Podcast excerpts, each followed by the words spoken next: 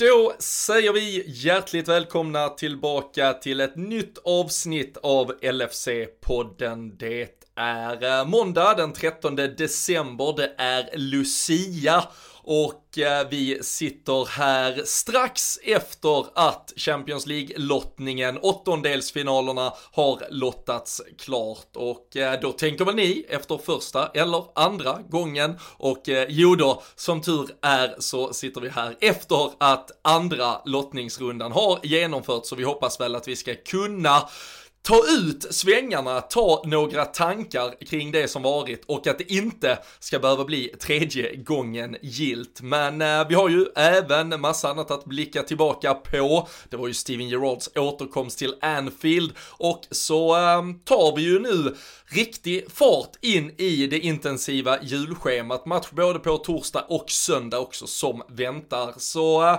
ja, vi brukar prata om fullmatade avsnitt av LFC-podden men idag är nog något alldeles lite extra. Vi gör avsnittet i vanlig ordning tillsammans med LFC.se. I eh, dessa tider kan det sannoliken vara en god idé att ha den sidan som, eh, ja men startsida, den eh, liksom plattformen man alltid går tillbaka till och kollar läget på. Man kan ju råka tro att Champions League-lottningen är färdig och så går man vidare och lever livet, men tji fick ni, tre timmar senare så är det ett nytt lag och då är det ju viktigt att man håller sig ständigt uppdaterad helt enkelt enkelt. Så LFC.se, alltid ett slag för dem. Och så här i juletid såklart också samdods.com. De är ju med och sponsrar med schyssta priser till alla våra tipstävlingar. Och så här inför julen så har de ju såklart också massvis med bra julklappstips på sajten. Så ja, där har ni våra vänner inför de julveckorna som väntar. Men eh, nu ska vi damma av ett av de nog mustigaste avsnitten i LFC-poddens historia och jag får sällskap av Fredrik Eidefors alldeles strax.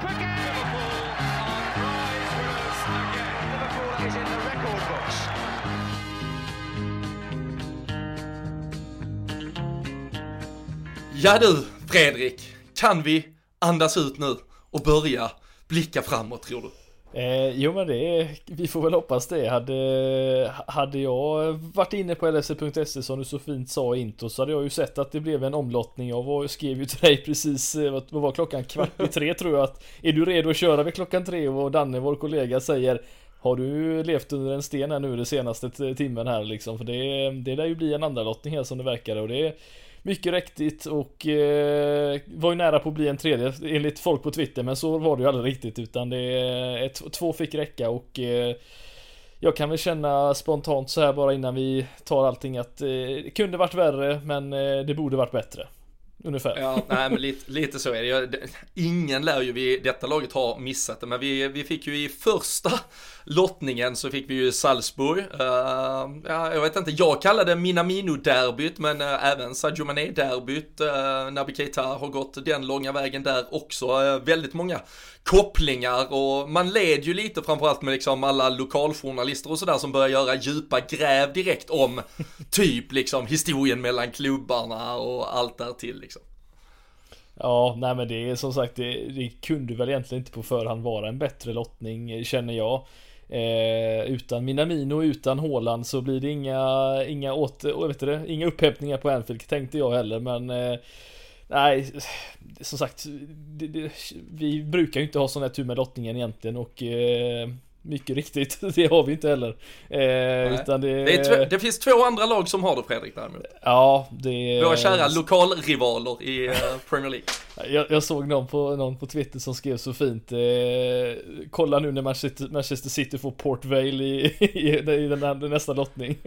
Det är väl så ja, de brukar alltså ha det De, de går alltså att, de går från att få Villarreal som kanske får anses vara typ det lättaste till att få Sporting som man kan argumentera för är liksom det enda som eventuellt var ännu enklare. Ja. Det är uh, Och, och ett Chelsea som får Lill Ett Chelsea som får Lill två gånger. Ja. Det är otroligt Ja, men det är som sagt, det är... Eh, ja, jag är ju bara glad att vi inte fick PSG om jag ska vara helt ärlig. Även, ska vi tillägga, ja. om att det inte är samma PSG som vi mötte i Champions League för några år sedan som var ja, men, riktigt jobbiga att möta, aggressiva fisk, fuskar och håller på. Sånt vill man ju inte möta. Men nu är det ett lag som har varit lite upp och ner, eh, ska vi ändå säga. Men eh, Inter blir ju en, ja, en resa tillbaka till San Siro där du var så nyligen och eh, fick se Nat Phillips vända, Cruyff vända på straffområdet.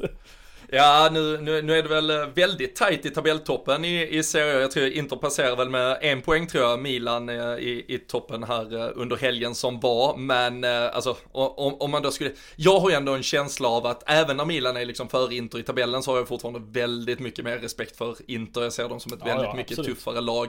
Men eh, alltså nivåskillnaden, om vi bara ska prata kort om det, alltså om det där var italiensk toppfotboll mot engelsk toppfotboll och det var ett Liverpool som Ja men mer eller mindre, absolut. Det var ju en Mohamed Salah, det var en Sadio Mané, det var ett par kvalitativa spelare, men det var också till stor del liksom rotationsspelare.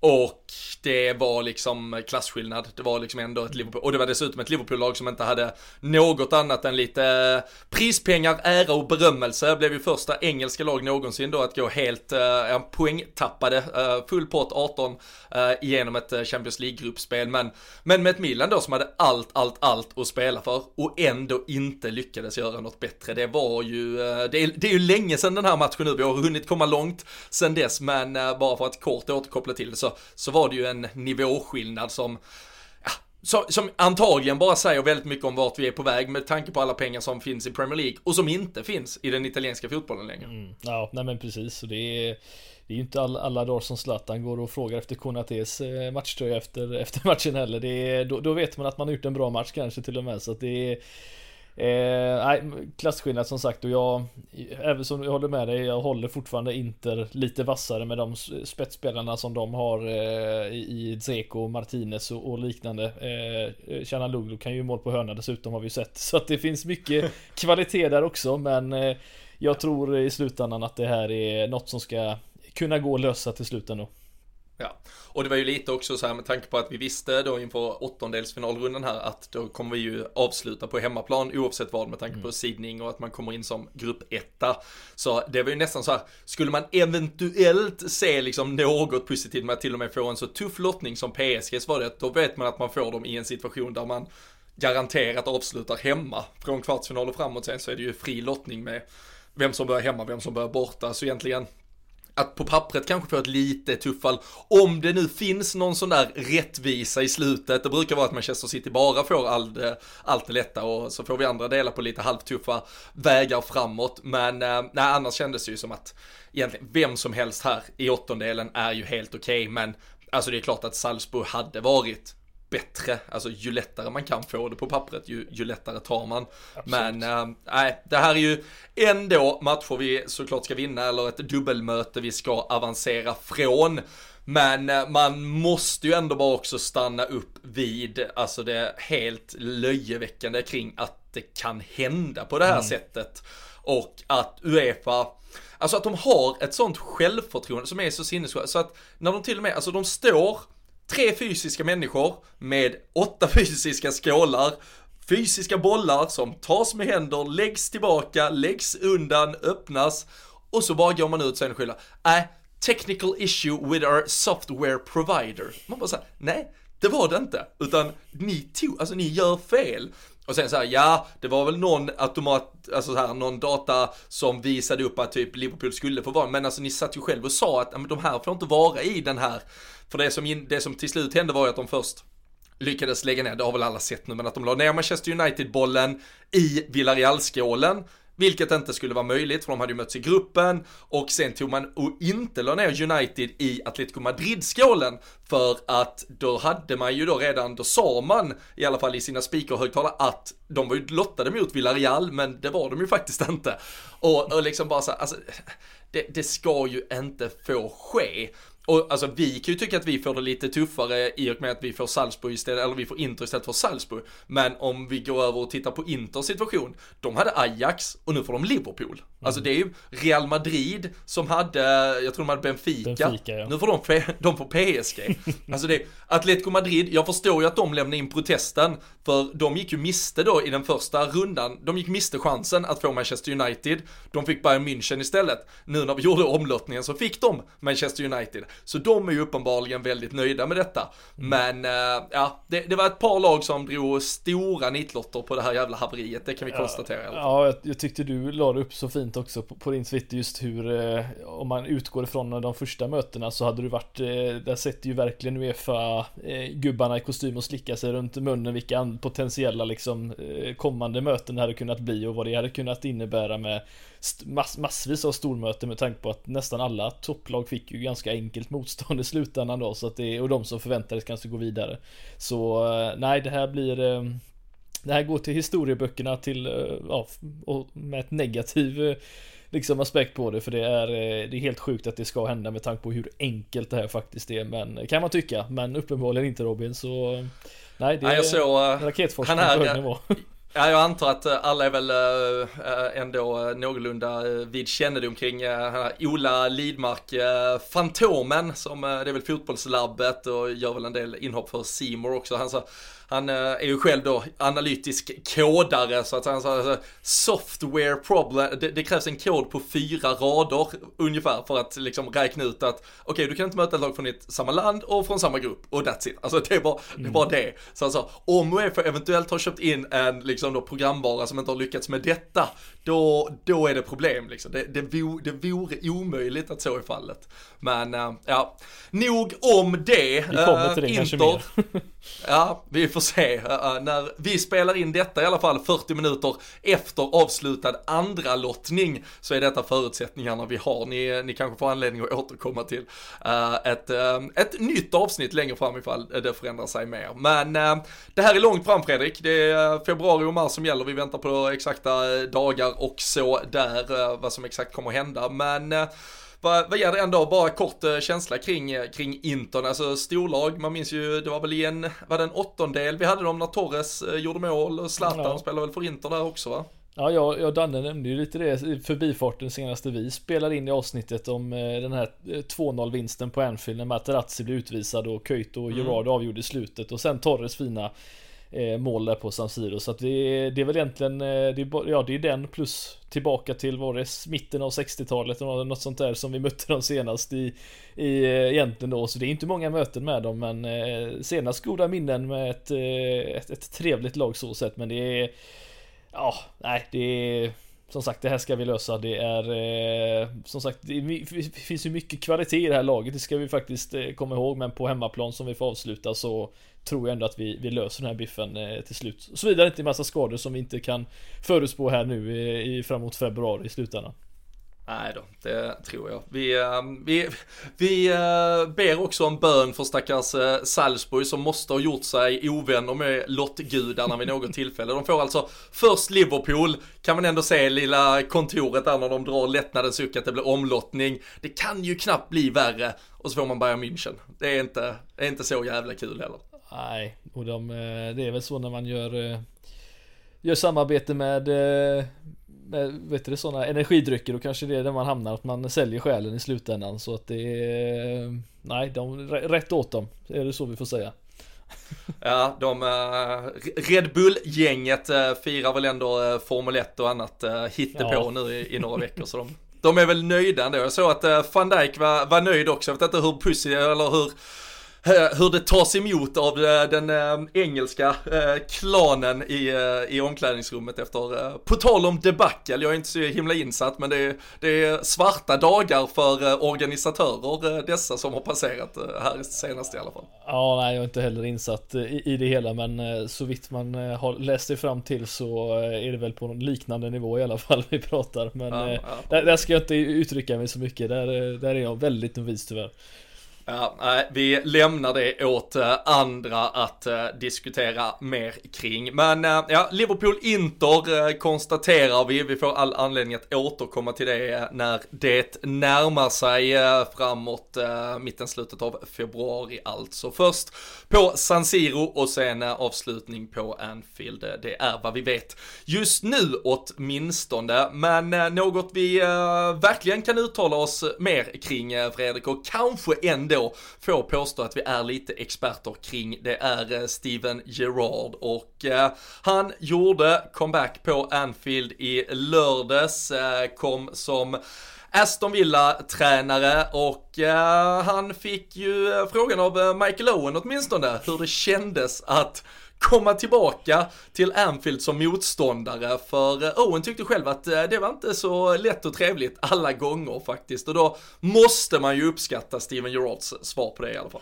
Ja, alltså Michael Owen har, eh, han var ju en, en barndomsidol på många sätt och vis eh, som, som ung kille på på fotbollsplanen. Men sen, sen, sen han lämnade Liverpool så har man väl börjat ifrågasätta lite av hans IQ-kompetens. Det finns mycket konstiga beslut han har tagit därefter. Han var väl till och med en av dem som satt i BT-studion och sa att eh, Liverpool inte vill ha Atletico i nästa runda för att eh, då, det har de blivit utslagna av tidigare men det ja, som sagt, alla kan ju inte ha samma nivå som du och jag har Robin. Det är, det är han, han, trodde ju, han, trodde ju också, han trodde ju också att hela lottningen skulle behöva göras om en gång till eftersom eh, Liverpool ströks mot eh, Villarreal, ja, att man inte kunde få dem.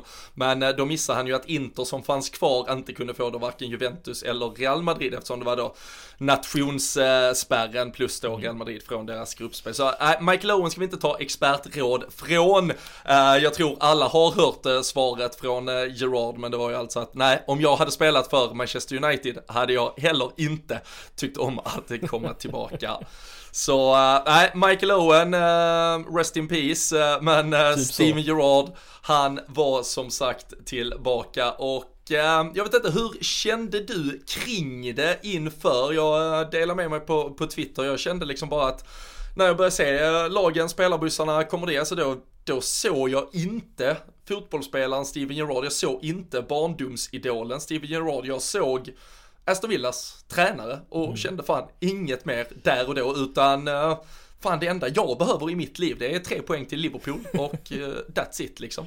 Ja, nej men jag, jag kan faktiskt eh, inte förstå hur folk eh, inte kan ha liksom redan ha släppt den biten. Jag, eh, alltså för mig är det egentligen precis samma sak. Jag kände noll och ingenting över att han var tillbaka liksom emotionellt och kände att, ja men gud vad jobbigt det här ska bli och vi kan väl bara vinna med 1-0 så vi slipper göra såra hans känslor typ. För det var inte, det var inte ens i närheten vad jag kände utan jag vill ju bara som du precis ta de här tre poängen helst, krossa dem så mycket som möjligt och få lite revansch från eh, den 7-2-segern som fortfarande liksom förlusten som lite svider fortfarande på något sätt men eh, Nej jag, jag, jag förstår inte riktigt varför folk hypar upp det så mycket egentligen. Visst det är coolt att han är tillbaka och hela den biten och kul att han får ett sånt jobb men när han kommer dit så kände jag verkligen bara att tre poäng ska, ska in och mer än så eh, var det egentligen inte och ja, sen kan jag väl förstå varför folk vill mjölka ut det, det, det extra men eh, ändå inte på något sätt. Nej, alltså jag, så, alltså jag, jag, kan förstå så att man liksom, det är häftigt att se Steven Gerrard tillbaka på, alltså när man, när man hör hans namn och sådär, men eh, nej, som så, alltså folk som, och sen också att det blev, det blev så jävla skev rapportering kring det tyckte jag både under matchen och efter matchen så här liksom så här, det var, jag läste någon liksom om hur, på ett vilket briljant sätt Steven Gerrard liksom försvarade djupt med Aston Villa och liksom höll Liverpool borta från början. Ja men fan det har Burnley gjort, alltså det, det är många lag som kommer att bara sparkat bort bolljäveln liksom. Alltså sen visst det finns dimensioner i det och han gör ju jättemycket bra och liksom vi, vi vill såklart att det ska bli ännu mycket bättre och alla vet var det finns liksom något slutmål och någon dröm men här och nu att det sen liksom liksom jag är helt på den andra, alltså när han går upp mot Alltså när Aston Villa möter Manchester City till exempel, ja men då kanske jag känner mer för Aston Villa än vad jag känner för när Crystal Palace ska göra det, för liksom fan hoppas Gerard sätter dit dem jäveln. Alltså det kan jag ju tycka är lite, mm. men det har ju inget med oss själva att göra. Alltså det är ju liksom nummer 1, 2, 3, 4, 5. Det är att Liverpool ska vinna fotbollsmatcher. Sen liksom allt annat ligger så väldigt många steg där bakom enligt mig. Och eh, jag tycker också, alltså där, där tycker jag ju däremot, jag, jag älskar ju Steven Gerrard för sättet han hanterar det på. Han kommer inte dit och gör någon jävla blödig ceremoni av det utan han är jävligt noga med att först och främst applådera sina egna fans så att säga. Det är Aston Villa-fansen som är där för hans skull och för hans lag och liksom det är hans fokus. Han var uppenbarligen, han har ju satt en eh, matchplan som innebar att de skulle eh, maska ihjäl sig och frustrera oss så in i helvete. Det skulle liksom verkligen eh, sparkas på hälar och det skulle drygas och man fick gärna ligga ner lite extra varje gång man fick en smäll på sig. Alltså han vet ju exakt vad som liksom frustrerade Liverpool, vad som frustrerar hela Anfield egentligen. Alltså så, så han använde ju all den liksom kunskap som 17 år i Liverpool har gett honom till att försöka dra vinning själv. Och det, det om något kan jag ju uppskatta med honom, men, men att göra någon liksom blödighet kring det, nej det... Nej, jag köper inte det riktigt. Jag, det, det, finns andra tider och stunder för den typen av uh, känslor. ja men det är som du säger, hade det hade det varit en Sean Dyson gjorde det där så, som vi har sett tusentals gånger så är det ingen som hade liksom nämnt så jävla mycket mer om det men nu för att det var Gerard så då var det en, en masterclass och i ärlighetens namn för att göra eh, long story short här så var det ju egentligen spel mot ett mål i grund och botten förutom de sista tio minuterna egentligen för där började det liksom bli lite små chanser och Allison var nära på att sjabbla till det men annars så var det som du säger det var ja, alla, alla lag borde göra sådär egentligen. Eh, sen är det, vet han ju precis vad som får Liverpool-fansen att bli frustrerade och, och, och upprörda och eh, till skillnad från eh, Arteta då som eh, för några matcher sedan valde att liksom reta upp fansen så att de kom igång och det gav ju Liverpool en eh, otrolig kick liksom. Det här var ju mer frustrera och det är ju det som på Anfield är. Du kan ju tala om det för många som har varit där väldigt många gånger fler än vad jag har varit. Men när det blir sådär frustrerat och man inte får med sig någonting, chanserna inte sitter, då blir det riktigt jobbigt och då kan ju det bli som det blev förra säsongen tyvärr då på Anfield, även om det eh, var inte lika mycket publik som det var då. Då var det liksom det här med att det blir frustrerat och till slut så får du en chans och sen kanske du tar den då. Men eh, han visste precis vad han skulle göra och eh, kul för honom, men inte mer än så. Nej, och viktigast av allt var ju att det inte räckte hela vägen. Nej, Nej, det var ju Fan, en... Jag hatar sådana matchbilder alltså. ja, men det, det, är vidrigt. Det, det, är riktigt jävla hemskt och man, man, man känner ju sig själv, eller, ja, man är ju så jävla dålig. Man går ju direkt eh, till liksom eh, de eh, mörka stunderna och börjar känna att nej, det, det här skiter sig. Det är liksom känslan efter 12 minuter typ att det, det här kommer inte lösa sig. Men Ingen Origi, som, herregud. Ja, nej, och, men alltså som vi har pratat så många gånger så måste man bara, man måste försöka stålsätta sig och komma på, eller liksom komma ihåg att det här är ett annat Liverpool. Det är inte det där Liverpool-laget vi växte upp med. Det här är laget som har Mohamed Salah liksom. Det här kommer säkert att lösa sig. Så let there be time så kommer det mesta säkert att ordna upp sig. Men äh, ett Liverpool-lag, du säger ingen Divock Origi. Han var helt out efter att ha avgjort då både på äh, Molineux och äh, på San Siro. Äh, Diogo Jota var inte redo för en startplats och då var det istället våran nye nummer nio, Alex Oxlade Chamberlain, som eh, tog den rollen. Sen eh, lär väl eh, någon mer fotbollstaktiskt kunnig än mig få uttala sig om vilken position han egentligen hade på planen under den dryga timmen han spelade. Men det var där han var uppställd i alla fall och sprang runt och försökte hitta något konkret att göra. Men mycket kan sägas om Oxlade. Jag har sannoliken varit för hård många gånger, men någon nummer nio, det är han inte i alla fall.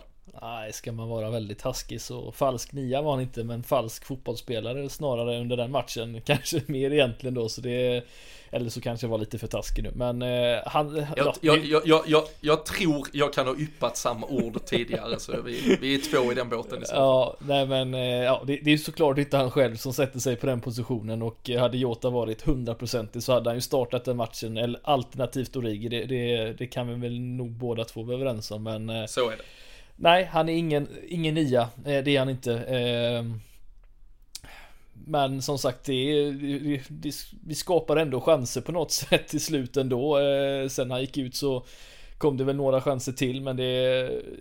Nej, det, det säger väl en hel del om att när vi inte har en Origi då som, som ett alternativ och Firmino är borta så blir det lite tunt men samtidigt hur ofta hamnar vi i en sits då liksom tre ordinarie eller tre stycken strikers inte är aktuella det händer ju inte jätteofta så att det är, man ska väl inte klaga kanske på djupet där direkt men eh, man ser ju att det blir ett Men- helt annat lag.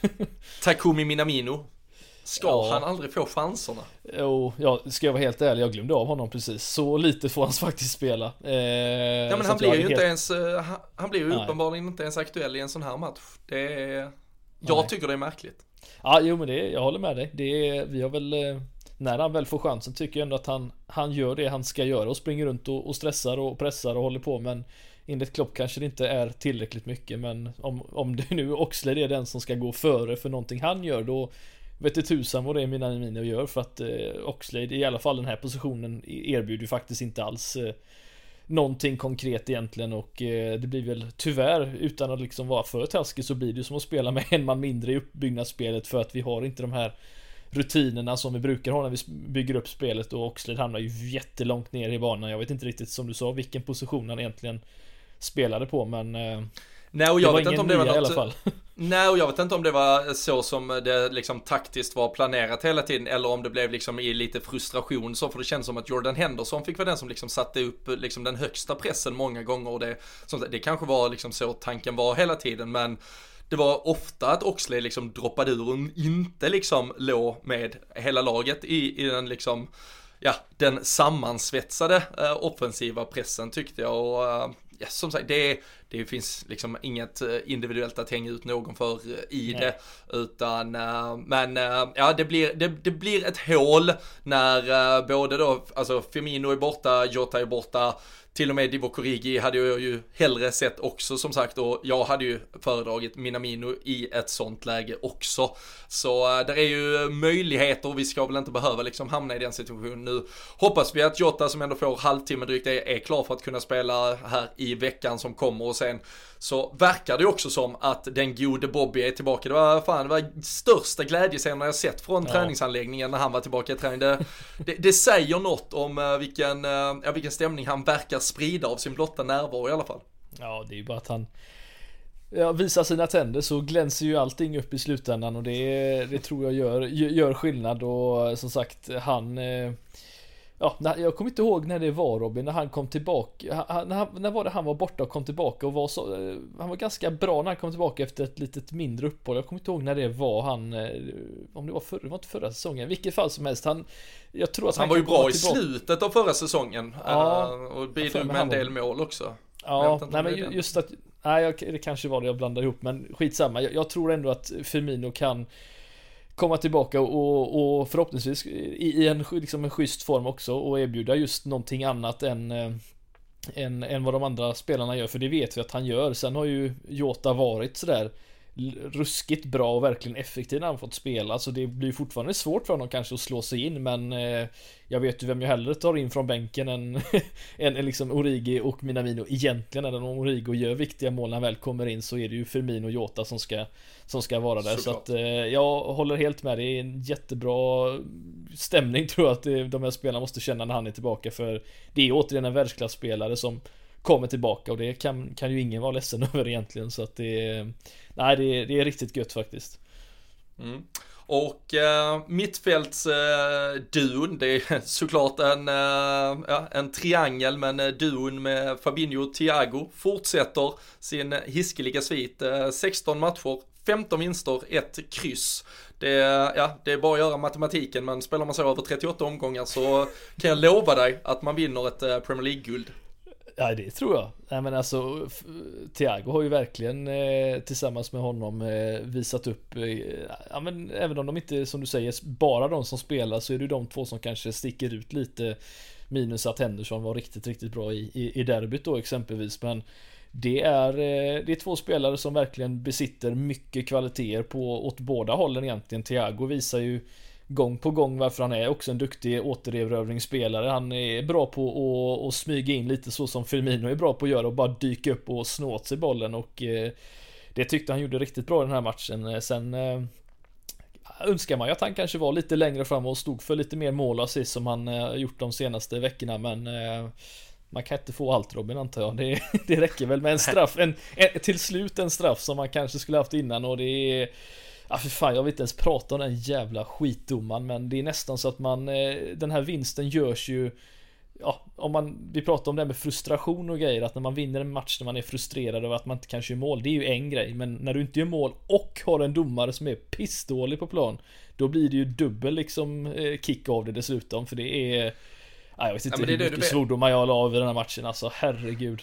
Nej, men du vet, alltså just i en sån match där man känner att, ah, okej, okay, det, liksom, det klickar kanske inte till 110%. Mm. Vi har en motståndare som uppenbarligen är här och, och gör det bra, de är beredda att frustrera oss. Det känns som att fan, det kan bli jobbigt det här. Och sen när man då bara känner att, fan, och vi kommer inte få Alltså inte det här att vi inte ens kommer få något extra av domaren, men liksom vi kommer inte ens, alltså inte ens när vi typ ska få något så kommer vi få det av honom heller liksom. Så det känns bara som att vi, nu, nu kämpar vi fram både mot liksom så här, oss själva, vi kämpar mot ett motstånd, vi kämpar mot, det är lite för många motståndare här för att vi ska klara av det. Och eh, alltså hela den här helgen, det var, det var länge sedan man fick ranta rejält eh, liksom ordentligt om domarnivån. Och jag tycker inte ens man behöver väga in VAR eller någonting i det, utan Alltså bara domarna i Premier League. Det, alltså vi, vi har världens bästa spelare, vi har världens bästa tränare. Det är överlägset världens bästa liga med mest pengar och det snurrar mest eh, liksom sponsorintäkter. Det är världens mest liksom globala eh, idrottsvarumärke som liksom syns överallt i hela världen. Och så har vi alltså gubbar som John Moss, vad är han, 51-52, springer runt där och liksom bara slänger en straff för att en boll tar i armhålan i City-matchen. Vi har en sån som Stuart Atwell här och så när man känner att nej men det här är ju inte bra alltså, men det finns kanske någon i varummet. Ja men då sitter Lee Mason där den jäveln. Han, för fan, varför har ingen skickat honom till något hem liksom för länge sedan? Det, alltså det är helt sjukt att de här samma jävla gubbar får fortsätta år efter år efter år efter år. Och liksom det är ju, det är ju pinsamt, alltså den straffen vi till slut får, den tycker jag är solklar och jag tror ändå de flesta tycker det också. Sen tycker jag däremot att man verkligen kan argumentera för att Aston Villa ska ha en straff när mm. Allison är ute och bara kastar armar och det, jag trodde det skulle bli straff, jag hade nu blivit förbannad om inte vi fick det liksom. Och City-straffen som de får, det är United-straff, Chelsea fick någon jävla ja, hittepåstraff. Vem var domare i den matchen?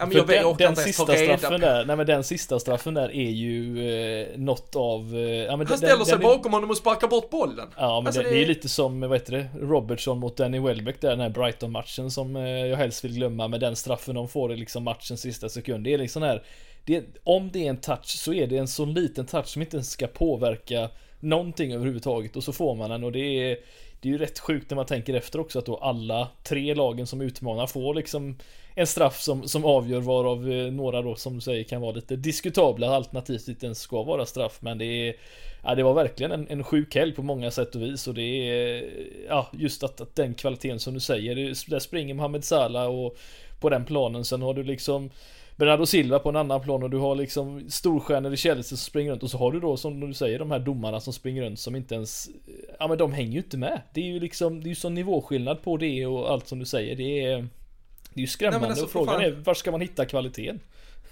Ja, ja, jag vet inte. Jag menar liksom, den, du kan ju inte utbilda någon, alltså, vem vill vara domare när du har de här kollegorna liksom? Det är ju helt... Ja men du får, du, du får importera den i alla fall, alltså du kan inte ha det, alltså om, om Champions League har de bästa, bara, bara, alltså där finns ju uppenbarligen toppdomare som uh, harvar runt i uh, slovenska ligor och sker, alltså de ska ju inte vara där utan plocka de bästa till Premier League, alltså agera mm. för fan, få, di, få dit bra domare så att vi i alla fall kan ha det i så många matcher som möjligt. Jag, jag, vet inte men du måste ju kunna, du måste kunna hitta någon bättre lösning eller att det liksom, det, det måste i alla fall snurras ut, du måste komma in ungt friskt blod åtminstone. Alltså de, de, är så, de är så fat and happy så liksom de här misstagen berör de ju inte heller. Det är ju det som är det är det som gör att det är så okej okay för dem att ta dem.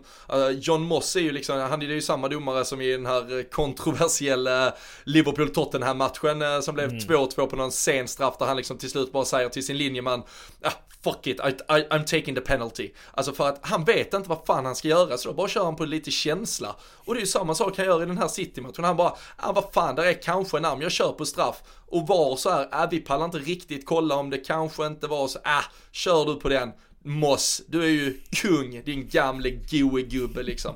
Så man, ah, jag blir så jävla trött på dem allihopa så jag vet inte var jag ska ta vägen. Och eh, äh, Stuart Atwell, äh, han är ju, må vara lite yngre än de andra men han är ju, det är ju ett riktigt ärkesvin det också. Alltså han, han är på han är på listan över eh, människor som inte, som inte kommer in i mitt hus i alla fall ska jag säga. Men vad, vad, finns det för kvalitets, alltså nu ska jag inte bli för långrandig här men alltså domarmässigt vad finns det för kvalitet liksom bland domarna? Alltså Michael Oliver har man ju alltid sett som, som du säger jämfört med Moss som, ja men just den här lite yngre, kanske har lite bättre spelförståelse men han har man ju också sett göra riktigt fatabla ja. liksom eh, misstag Han hade ju något jävla debacle i Dortmund, eh, ja, Dortmund den utvisningen typ som alltså. ja. någon fick också. Ja, det är, som Hummels fick var det väl. Ja, det är ju Nej men det är ju som du säger, man måste nästan ta in, jag menar vi köper in de bästa spelarna från alla håll och kanter i världen, alla lagen. Så varför, ska, varför måste det stå liksom Ja, jag vet inte. Det, det är så låg kvalitet. och vad hette han? David Coots som, eh, som man också liksom absolut inte kommer in i ditt hem heller. Det finns ju, det är ju en lång lista med spelare så att eh, för, det är en lång domare. lista på människor som inte kommer in i mitt hem i alla fall, kan vi konstatera. Så vad säger du? Bring back Howard Webb, är det det du försöker säga? Ah, fy fan. Det, ah, hit, med, hit med det riktigt gamla. Junaya Rennie, det är för finsmakarna, en lite äldre variant. Colina vet du. Där har vi, ah, han hade kunnat springa ja. runt där. Det hade han, han, han, väx, han växer verkligen på en ifall man uh, tar sig igenom Jonas Erikssons uh, bok om domarskapet. Det kan jag ja rekommendera. Men uh, nej, fy fan. Nu vann De vi till slut är... Robin, det var det viktigaste. Och Salah fortsätter vi gjorde att det. utöka. och det skytteliga till toppen. Och, och, jag tycker ändå att vi har gjort det tydligt nu med tanke på att vi passar på att ta en domar-rant i ett avsnitt om en match som vi vann med 1-0 efter ett straffmål. Så jag känner ändå liksom att vi, vi vänder inte kappan efter vind här, utan vi slaktar dem även när vi, vi får lite pipblåsningar med oss eh, så att säga. Men eh, det var ju svårt att argumentera för att uh, Tyron Mings, jag vet inte vad han gör, liksom något snubblar typ över honom. Det, det är inte den mest Ja, det är inte den mest kontrollerade kroppen i Tyrone Mings. Mycket annat kan man ge honom, men, men just att veta vad som händer med den där kroppen alla gånger, det, det har han lite tufft med. Ja, nej men det är som sagt att, att folk ens kan diskutera över att han eh, inte ska ha den straffen Salla. Det är ju, det är ju rätt sjukt som du säger, Mings han han, han, han, ja, man får igenom det om det är mening eller inte. Han snubblar ju över Salah och det spelar ingen roll om du gör det med mening eller inte. Det, det blir en straff till slut och sen, eh, sen är det ju väl sista delen då att man ska förbi den där eh, tre meter långa Martinez också som eh, älskar att psyka straffskyttar. Det har vi ju sett i sydamerikanska mästerskapen och han gör det ju för övrigt väldigt, väldigt bra men när Salah ska väl skjuta den straffen Robin så är det väl bara jag fortfarande som är lite nervös men eh, han gör det ju så pass bra så att eh, inte ens en tre meter lång målvakt kan, kan rädda den och det eh, det var en, eh, det var välbehövligt där och då kan man väl säga. Ja, nej men verkligen och eh, alltså han, eh, alltså Martinez det är ju ett, eh, alltså det, det, är ett sånt riktigt jävla skithål liksom. Alltså han hade ju liksom psykat och frustrerat, vi har pratat om det tidigare och det är liksom, det är ju så han höll på hela matchen och Eh, sen, eh, alltså när vi får den straffen så eh, jag kan säga du, du är absolut inte den enda som är nervös. Jag, jag brukar inte vara nervös när Mohamed Salah kliver fram men med tanke på liksom det spända läget, hur viktigt det var, jag vet inte vad kan det ha varit, vad hade vi kvar, 20-25 minuter av matchen, mm. så man vet liksom att det här är ändå chansen vi, vi ska in i matchen, det är nu vi ska, vi ska ta tag i det. Och eh, alltså med tanke, dels hur, hur jävla stor han ser ut när han står där på linjen och så hur han rör sig så man vet antagligen här liksom chansar han rätt så kommer han ju nog ta det. Alltså för han ser ut att vara på så jävla sånt jävla hugg liksom och han studsar bra och han kommer få fart ut i hörnen. Så går han rätt så, så tar han den antagligen. Så det är väl ja, 50-50 eller i alla fall 30-30-30 ungefär liksom beroende mm. på var Salah går där. När man då ser att Salah går höger, eller ja, Martinez vänster, Martinez går dit också. Då är det ju så här, nej, men det hinner ju bara. Den, och att den ändå sen går in, alltså det är en så bra, alltså det, det enda ställe, alltså om när han väl har gått åt det hållet i alla fall Salah, så är det ju den enda möjligheten att den går in det är att den går via stolpen och liksom precis mellan fingertopparna på Martinez hand. Så alltså det är ju en så bra straff så det är, det är ju löjligt hur jävla säker han har blivit därifrån. Och jag tror det var femtonde raka straffmålet. Det är väl bara Matt Letizier, den gamle Southampton-legenden som jag tror han var uppe på 23 raka eller något sånt. Men ytterligare Premier League-rekord som eh, kan vara på väg att skrivas lite längre fram för Salah. Så det är nej, vi, vi ska helt enkelt inte behöva vara nervösa Fredrik längre i alla fall nej. när han står där. Nej, vi borde inte vara det, men som sagt, man har ju sett eh, Martinez eh, psyka spelare förut, men det, det, är väl inte alla som ja, Bruno Fernandes som har det psyket eh, och sätta en, en, en viktig straff på hemmaplan i, i ett sånt tajt läge men eh, Nej det är eh, återigen vi, vi ska inte bli eh, överraskade över att Salah fortsätter leverera det, det, det, ska vi inte bli utan det är väl bara att fortsätta och, och vara glada att han eh, och förhoppningsvis så skriver han väl ett nytt kontrakt snart också. Eh, vi satt väl nej. för några månader sedan och Vi ska inte och, prata om det nu. Nej men ja. det, det, ja så är det. det blir ja. en annan podd. Nej han har väl Ja, verkligen. Nej, nu, nu, nu bara firar vi, firar vi segrar och allt möjligt. Vi, Fast vi har ju prispengar problem. nu Robin ju. Massa prispengar att slänga åt Salah i Champions League. Vi, mycket pengar. Ja, men det enda, det enda, alltså, det var jättemycket pengar för mig. Det ja, 27, mil 27 miljoner pund var det väl, uh, tror jag. Uh, bara från gruppspelet. Det var ju uh, den maximala potten från då sex gånger segrar så att säga. Och sen så var det ju även då någon ja, slutpott på typ överblivna pengar som delas ut. Jag, jag antar att det finns någon då så här, lite skevfördelning på om det mm. blir kryss i matcher så blir det något lite buffert över till för att vinstpengar inte är lika, eller vinstpengarna är högre än kryssen, två kryss och så vidare. Och så då fick även Liverpool och Bayern mest procentdel av det eftersom de hade varit bäst under gruppspelet och så vidare. Så Nej, de eh, har eh, dratt iväg vad gäller pengar. Liverpool fortsätter att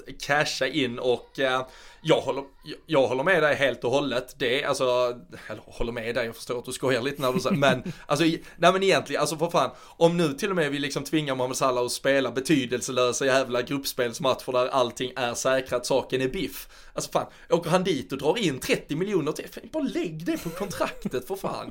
Det är väl inte så jävla svårt, alltså, det får ju, alltså någon jävla rim och ransom, jag säger, jag kommer säga det hundra gånger till liksom. Det är en spelare vi inte behöver köpa, alltså normalt sett hade den här spelaren kostat en miljard minst att liksom plocka in till klubben de pengarna måste du ju kunna fördela över liksom kontraktstiden istället som du, och liksom du kommer inte ens behöva placera ut så mycket pengar utan du kommer dessutom komma billigare undan.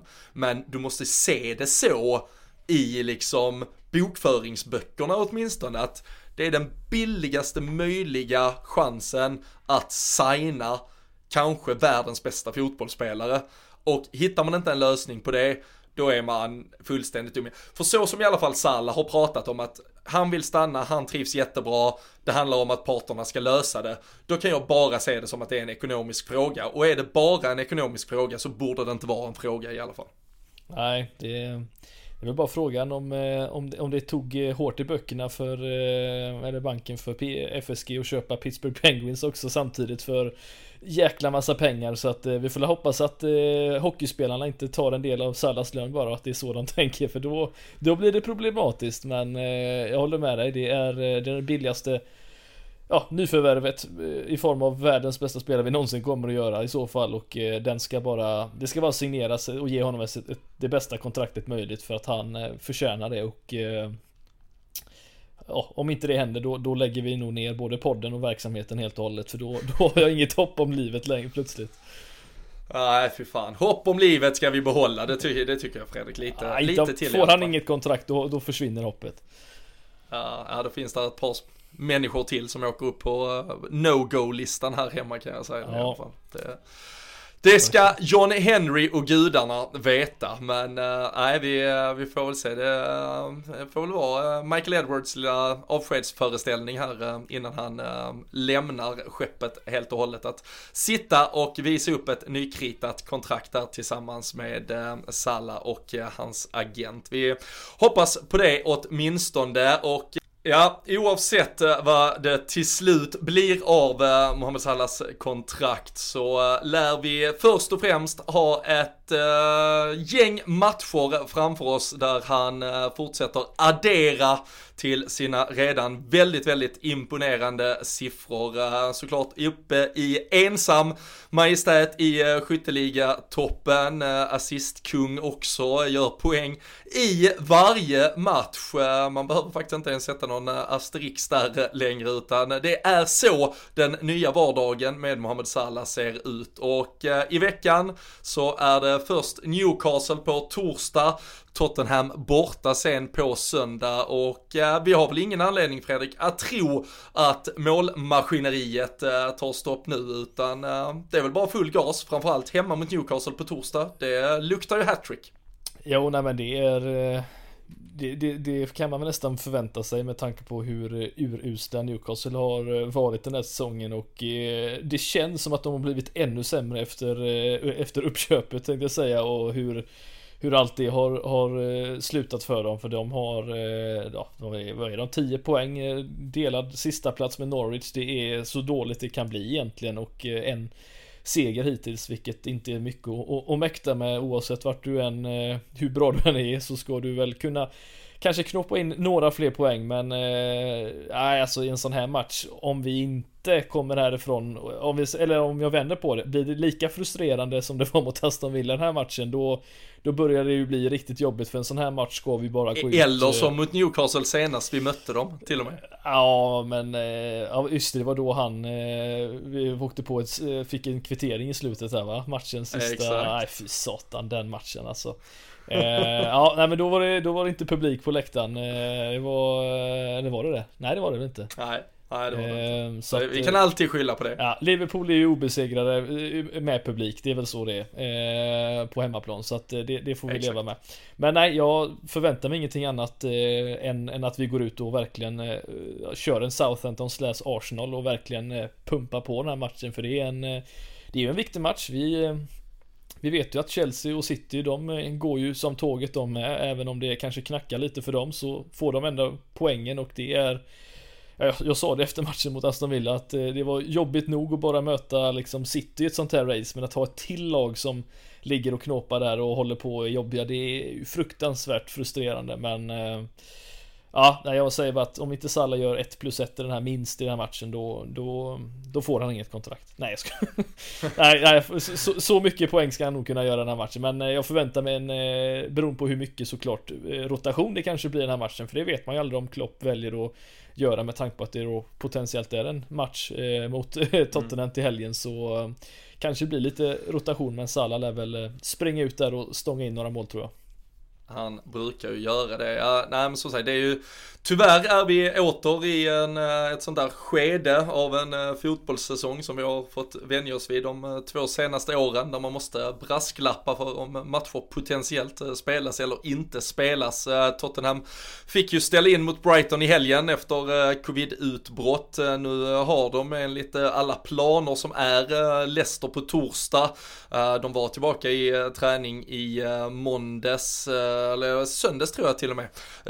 Förlåt, så söndag var de tillbaka i träning och eh, kommer de bara till spel mot Leicester allt går som det ska så kommer såklart våran match mot, mot dem spelas också. Men, men man börjar också se nu tyvärr att det dyker upp lite Manchester United så jag hade fått eh, ställa in eh, träning idag igen. Deras match tydligen mot Brentford är väl i fara. Vi har haft eh, några fall som har dykt upp i både Brighton och Aston Villa och så. Alltså är det Alltså det sista man ville inför den här intensiva perioden som väntar nu, det, det är ju att få den här jävla bajsmackan på toppen av detta också. Mm. Och att börja hantera att Matcher ställs in med kort varsel, sjukdomsfall i klubbarna, det är liksom någon ska in och dra någon gräns kring, ja alltså är det antalet fall på spelare, var, var går gränsen, när ska du komma till spel, när ska du inte, och så vidare. Det, fan vad man hoppades att man hade stått och pratat om det för sista gången för ett år sedan ungefär. Men eh, nej, tyvärr.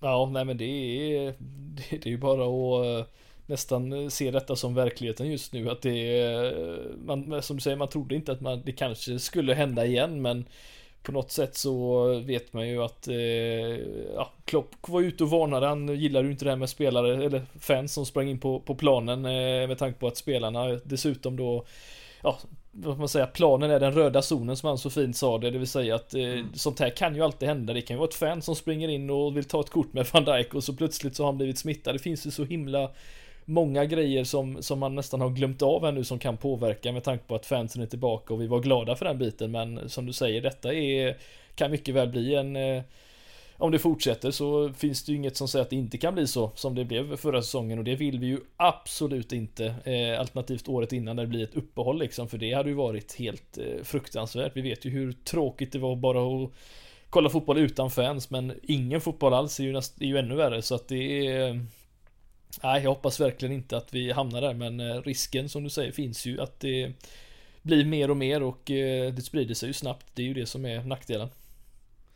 Ja, så är det ju absolut och det, det verkar ju uppenbarligen som att den här nya varianten omikron inte verkar bry sig så mycket om vaccin och sådär så verkar det väl peppar peppar bara mm. ge och det är väl där också jag ska absolut inte, vi ska inte fastna i och diskutera eh, virussituationer och, och eventuella restriktioner och så vidare. Men men, men om det förhoppningsvis skulle kunna vara så att viruset visar sig ha liksom muterat till att det kanske det sprids mycket snabbare men att det är en mycket snällare virusvariant, då måste man ju till slut också kanske börja säga även om massa spelare då får det här så vidare, men alltså är de symptomfria, är man inte sjuk, alltså vi kan inte heller ställa in fotbollsmatcher i, i flera år framöver för ett virus. Det gäller ju Nej. liksom lite världen i stort, men uh, vi, uh, ja, vi ska ju absolut inte dra några sådana slutsatser än, men, men liksom att, att uh, folk kommer bli smittade av virus kommer ju nog hända i all framtid och eh, sen får vi väl se om vi kan hitta ett sätt att förhoppningsvis leva i det och med det ändå. Men eh, tills vidare så hoppas vi ju såklart bara att eh, folk ändå håller sig så, så friska som bara möjligt och eh, framförallt då att det inte heller ger, eller inte framför allt, men, men också att det inte ger uh, massa påverkan på fotbollen. För eh, den, den är ju som kanske allra roligast nu när vi går in i det här intensiva vinterschemat. Och som som sagt torsdag och söndag, men sen så är det ju lite julfirande och annat som ska emellan. Så sen är det en veckas ledighet innan då Boxing Day och det riktigt jävla intensiva drar igång över en eh, vecka eller två. Men ehm, det betyder ju kanske ändå att några spelare som du är inne på Fredrik behöver kanske vilas i någon av de här två matcherna. Det känns ju som du säger, alltså Mohamed Salah, Sadio Mané, vi vet att det är först in, sist ut från, eh, från gymmet. Det, det är kroppar som är gjorda för att spela fotboll dygnet runt i stort sett. Men eh, det kanske finns några lirare som behöver vilas och eh, då är det väl mer aktuellt att man vilar dem hemma mot Newcastle än när vi åker till London för att möta Spurs. Ja absolut. Det är, jag, jag, förväntar mig väl att de lär spela den här matchen kanske till slut ändå men att de eh, förhoppningsvis kan, kan med gott samvete bytas ut eh, efter halvtimmen eller något sånt här för att det ser relativt bra ut för, för laget. Det, det, är väl förhoppningen såklart men eh, jag vet inte, vad, vad, vet vi om Origi och hans status eh, exempelvis? För Jota förhoppningsvis är ju tillbaka om han nu fick hoppa in och spela en, eh, vad var det, en halvtimme i alla fall han fick spela så lär väl han kanske vara redo till den här matchen förhoppningsvis men eh, jag känner att det är, det är ju rätt gött att kunna ha lite alternativ på planen nu eller på bänken nu när vi kommer in då i två matcher på så kort period för mot Spurs så ska ju de bästa spela. Det är ju de som ställde upp nu exempelvis som ska bara starta den här matchen mer eller mindre. Plus en Jota förhoppningsvis. Men eh, mm. En Semikas lär väl kanske få en, en, en, en, speltid här nu exempelvis. Eh, Konate lär väl få komma in exempelvis också och spela. Mm. Men sen tror jag inte det blir sådär jätte, jättemycket eh, rotation. Utan det, den rotationen, kanske en Milner som får komma in och spela en sån här match. Det hade jag inte haft något emot egentligen. Men Går det att hålla alla på, på tårna och bara byta ut dem efter, eh, efter en halvtimme, de viktigaste, så, så hade jag eh, varit, varit för det också. Byt ut dem efter en, byt ut dem efter en halvtimme. Eller det är väl en halvtimme kvar menar. Eh, verkligen så... gå in och slakta Newcastle här. 5-0, så plockar vi efter en halvtimme. Eh, ja. Nej men eh, som sagt, eh, jag tror det inte blir allt för många, för stor rotation, men det blir nog, ja, två, tre spelare skulle jag väl nog gissa som kanske får får flytta på sig men jag tror inte det blir mer än så. Nej, jag, jag känner likadant. Jag tycker som du säger, Simikas mot Robertson och eh, Konate mot, eh, mot Matip kanske känns väl rimligt. Milner in mot Thiago kanske ändå. Det, det ja, vill inte, du vinna så måste det, han ju spela tillsammans. Ja, men det, det, har ju inte varit liksom, eh, det har inte varit helt eh, hundraprocentigt att han i sin Liverpool-karriär kan spela vecka in och vecka ut och spela två Nej. matcher hela tiden. Så vi kanske ändå, vi ska inte liksom ta ut för mycket seger i förskott här och tro att han har blivit uh, odödlig. Och, uh, och sen lär vi väl se, med, med tanke på att Jota egentligen då bara spelar en halvtimme här och han vilades ju helt mot uh, Milan, eller då, då uppenbarligen så var det väl säkert skadekänning som påverkar honom där också. Men uh, om han är fit for fight så skulle han ju mycket väl kunna gå in och göra båda Newcastle och, mm. eller både Newcastle och, och Tottenham istället. Så offensivt så tror jag väl att vi får se det bästa. Men eh, nej, som sa, Origi, jag har inte egentligen tillskansat mig någon uh, mer exakt information på vad som gäller där. Det var ju det var ju lite udda efter Milan-matchen. Ja, jag såg ja, att men... Philips plötsligt bara såhär, han Exakt. kom borta hur länge som helst typ. Men vad fan hände där liksom? Det... Vad var det? Bruten käke Ja, det var väl, han nickade ja. väl ihop med Zlatans huvud eller någonting sånt där tror jag han gjorde. Men det var liksom, vad, vad, Ja, det är, ja. ja vi vet ju liksom... som tidigare att vi inte vet mycket om skador och sånt, men det här var ju en ny nivå på något sätt. Ja, nej det var, det var, det var mycket märkligt allting där. Men ehm, ja, och som sagt, uh, Firmino brukar ju annars, om han kan vara tillbaka, brukar trivas ganska bra mot Tottenham. Uh, avgjorde ju i december förra året också. När, när, på den goda tiden när vi spelade seriefinal i december mot uh, Tottenham, Fredrik. Då, ja, det. har hänt en del sedan dess. Vi, har, vi har hunnit bli sämst i världen till att studsa tillbaka och bli bäst i världen och Tottenham har bara blivit jättedåliga och sen ännu lite sämre i stort sett. Ja, nej men det är fascinerande. Han eh, avgjorde ju för övrigt också eh, den viktiga matchen eh, i, under guldsäsongen, om jag inte minns helt fel också. Så att det var... Eh, nej, det, han, han mår bra där. Eh, sen mår ju Mané bra mot Newcastle exempelvis. Så att eh, det finns många sådana typer av liksom ja, men streak som man kan fortsätta med. Men ja, Kommer han vara redo att sitta på bänken åtminstone? Det hade ju varit jättebra i så fall för och kanske få hoppa in för ju mer kvalitet vi har på bänken som jag sa det så desto bättre är det ju egentligen. Mm. Fan vi spelar, alltså jag kommer ihåg, det var väl också kring, det måste vara, var det typ nyårsdagen eller något när vi mötte Newcastle borta också som blev 0-0 också, en sån jävla frustrerande match. Det var i början på vårt förfall förra säsongen. Ja, det var, finns, det var alldeles för många, många sådana matcher. Fan, fan vad många dåliga matcher det var förra säsongen. Ja, det var, det var inte jättebra. Ja. Men nej, eh, så, nej, mot Newcastle som sagt ska vi ju eh, kunna, kunna göra jobbet och eh, får vi väl se om Milner fortsätter, om han får spela exempelvis, får vi se om han fortsätter sin och klättra i toppen på mest, flest antal matcher i, i, i ligan. Han mm. noterar att... Var det fyra nu va? Ja, precis. Och när jag såg den listan så blev jag ju helt chockad över hur fan Gareth Barry kan ha hunnit med 653 matcher. Det är alltså, det är ju nästan 100 mer, ja i alla fall 80 mer än vad vad Milner har mäktat med och han som varit med så länge också. Det är ju helt sinnessjukt hur mycket han har spelat. Det är, ja, det är... 653 delat på 38. Det är alltså att spela varje match i 17 säsonger. Det är helt galet. Det är helt Och då, vad, kan han, alltså se, Hur gammal är han... Gareth Barry? jag vet inte. Måste 58 kanske eller någonting. Nej men han är inte så jävla gammal. Han är ju född 81, han är 40 bast. Mm. Ja, nu spelar så... han ju inte men... Eh... Men det, det, han gjorde bra var ju att liksom han, han gick ju hela tiden nästan till ett lag där han var så pass bra så att ja. han fick vara ordinarie. Liksom direkt när han inte dög för City längre, då gick han ju till Everton och så var han ordinarie där. När han inte passade i Everton gick han till West Bromwich och så var han ordinarie där. Så han, han bytte ju hela tiden nivå mm. så att han var liksom ordinarie. Alltså där kan man ju säga, hade James Milner för kanske två år sedan, får man väl ändå, eller tre till och med, liksom gått till typ ett Aston Villa istället till exempel när de gick ut, då hade han ju antagligen gjort mm. i alla fall 30-40 matcher till alltså, det är ju inte extra. Han har fått också mycket spel till ett uh, Liverpool som har behövt ha mycket spelare tillgängliga. Men uh, det, är, det är häftigt med sådana maskiner och just när man drar ut det så jag vet det är samma när man liksom tittar på Messi och Ronaldo, deras ja. jävla målrekord och så att det slår ut över. Du ska egentligen göra liksom uh, eh, 40 mål i si och så många år varje år för att nå upp till de här. Man bara, alltså va? Vänta nu, hur, hur är det här möjligt liksom? Ja. Så det är Många maskiner där ute, all jävla respekt eh, till dem. Absolut. Det måste vi konstatera. Ja, nej men det är klart.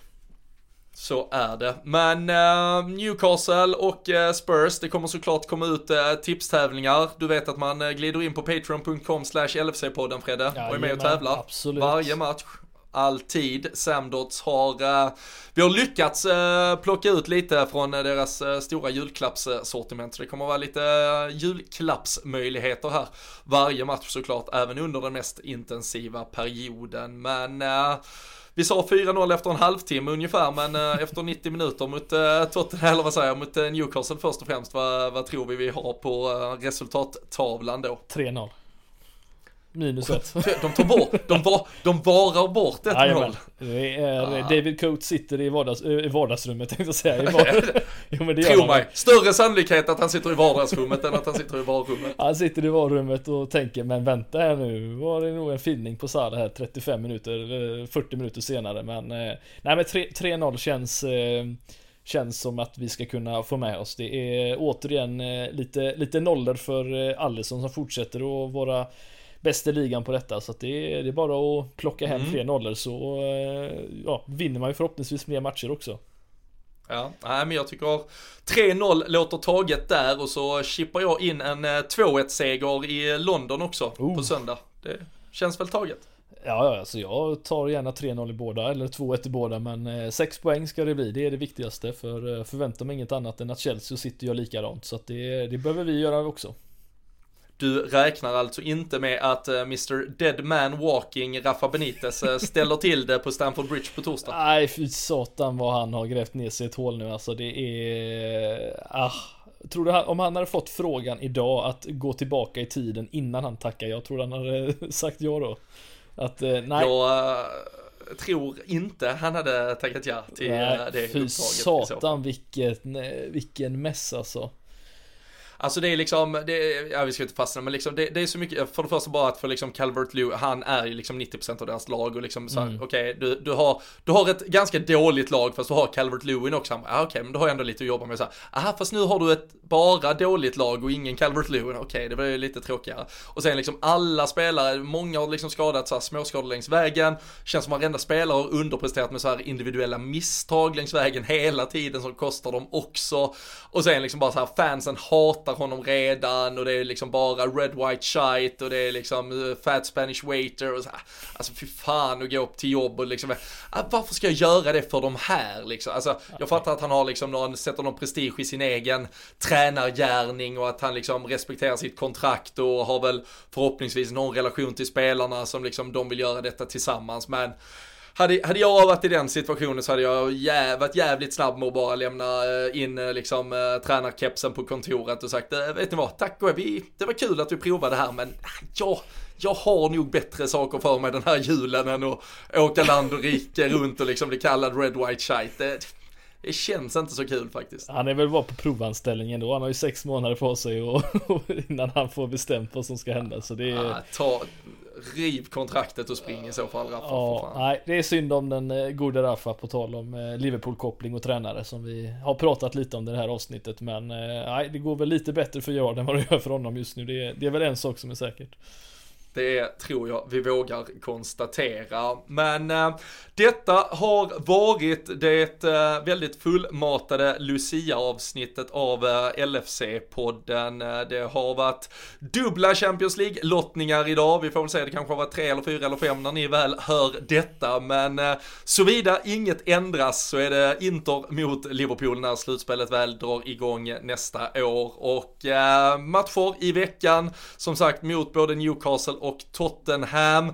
Vi eh, har bara detta eh, stora matiga avsnitt eh, denna veckan och så är vi tillbaka efter Tottenham istället tar ner både Newcastle och Tottenham-matchen och så blickar vi framåt då mot det intensiva Boxing Day och alla matcher däremellan. Man får väl hålla lite koll på vad som eventuellt händer i spelschemat om det blir några förändringar också. Men tills vidare hoppas vi såklart att allt bara blir som det ska, att allt rullar på och eh, ni får ju såklart gärna hänga med oss på våra sociala medier och eh, ja men var med där vi finns helt enkelt så har vi kul tillsammans. Vi tippar resultat inne på patreon.com slash LFC-podden, massa schyssta priser alltid där. Håll er uppdaterade på LFC.se och glöm inte att shoppa era julklappar på samdods.com också. Men eh, stort tack för att ni är med oss, stort tack för att ni lyssnar. Vi hörs och ses snart igen.